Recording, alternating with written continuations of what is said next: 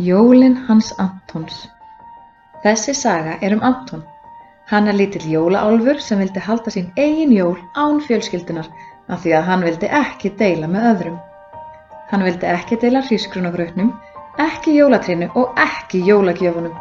En heldur þú að það hafi verið góð hugmynd hjá Antoni? 3. desember Í dag sækir jólaálfamamma stóru sleifina sína og setur gamla tréfatið á eldhúsbekkin. Anton kemur hlaupandinn í eldhús og tyllir sér á tær. Við að baka smákökur í dag? spyr hann.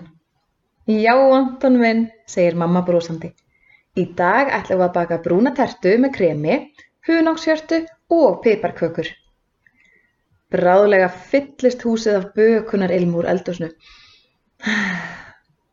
Anton og Alfred tegja sig í nýbakar piparkökur þegar fyrsta platan kemur út úr opnunum.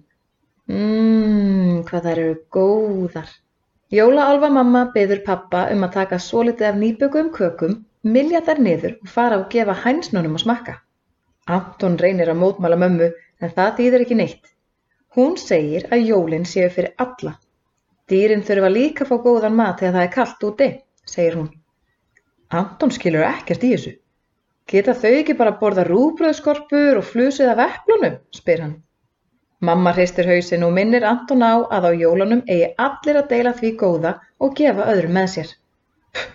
Þetta er nú meiri vittlisann, hugsar Anton, en pappi er sammála mömmu. Hann melur niður brúna tertu. Nú verða hænurnar glaðar, segir hann og brosir.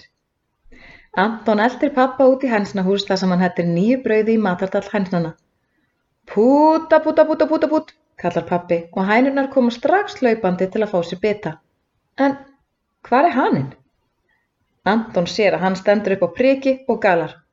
En hann flýtir sér niður og allur hænsnaskarinn er upptekinn með að borða brúna tertu.